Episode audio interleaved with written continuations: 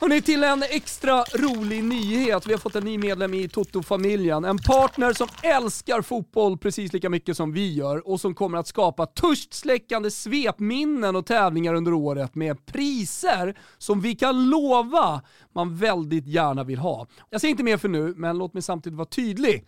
Låt mig vara tydlig man vill väldigt gärna ha de här priserna. Vi säger varmt välkomna till Heineken 00 alkoholfri. Jag pratar om att eh, de älskar fotboll och det gör de verkligen. Heineken 00 är nämligen stolt sponsor till eh, fotboll i absolut världsklass. Lyssna bara. Uefa Champions League sponsrar de och det har utökats med Europa League och i höstas blev det klart att de även är huvudsponsor till Uefa Women Champions League och Women Euro 2022. Och det är något som vi på Toto såklart är extra glada över eftersom vi delar synen på jämlikhet. Heineken 00, vad är det då? Jo, det är en alkoholfri lager bryggd med samma unika A-gäst som gör att Heineken 00 är en av världens största alkoholfria öler. Och vad passar inte bättre till ett eh, måndagssvep när vi kommer dit än en kall, törstsläckande alkoholfri bärs? Så, nu är det bara att luta sig tillbaka, ta den där första klunken Heineken 00 och njuta av svepet. Cheers to all fans hörni! Vissla igång Kimpa. Så är vi där igen. Ja, vi pratade ju precis om det här. Tider då man flyr omvärldsbevakningen av krig och elände för att för 90 minuter bara försvinna in i fotbollens förtrollade lilla värld.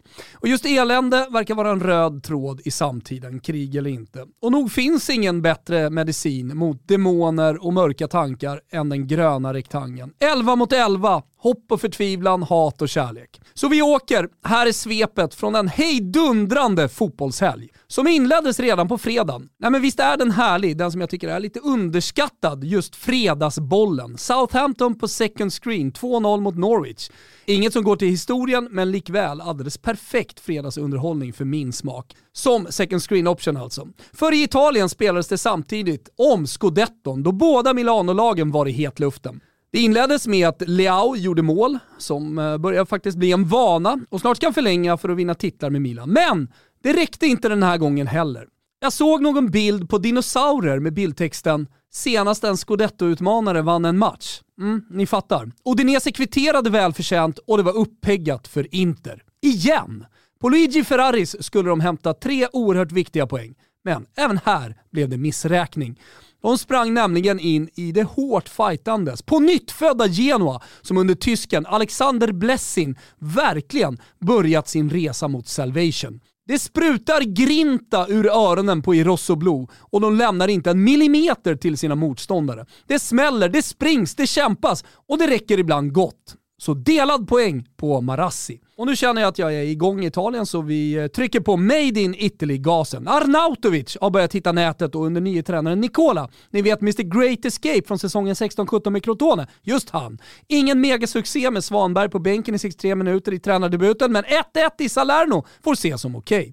Nu känner jag att det blir lite plottrigt, för litet. Mot mer big. Är Fiorentina big? Ja, men de är roliga. Härliga att se men lättviktiga. Så även i Reggio Emilia, där man förtjänade mer visserligen, där Cabral debutmålade, men där Defrell, den gamla jävla stofilen, fick sista ordet. Torsk för Viola, en missräkning. Juventus däremot, ja, som en gläfsande svältfödd blodhund har de tagit upp jakten. De känner vittring, de känner doften av Los Scudetto och helt ärligt, oavsett om det saknas en del i laget så ser jag liksom inte den gamla damen förlora. Nu är de åter sådär maxtunga, jävliga att möta och med en Vlahovic som tar kliv på Toto Ballon-listan. Jajamensan. Dubbla kassar i Empoli, sju poäng från toppen nu, sju små pinnar. Juventus, tje! Juve är med. Från eh, söndagen noterar vi en smash and grab-seger för Cagliari i Turin, att Verona fortsätter vinna och spela drömfotboll, att Roma äntligen vann tack vare Sagnolos mod och till slut att Napoli har Colliani Visst, enligt Spalletti säger Italien, ja hela Italien, att Napoli saknar karaktär och bollar. Men var det något de visade i den svängiga sluggerfesten på Olympico så var det just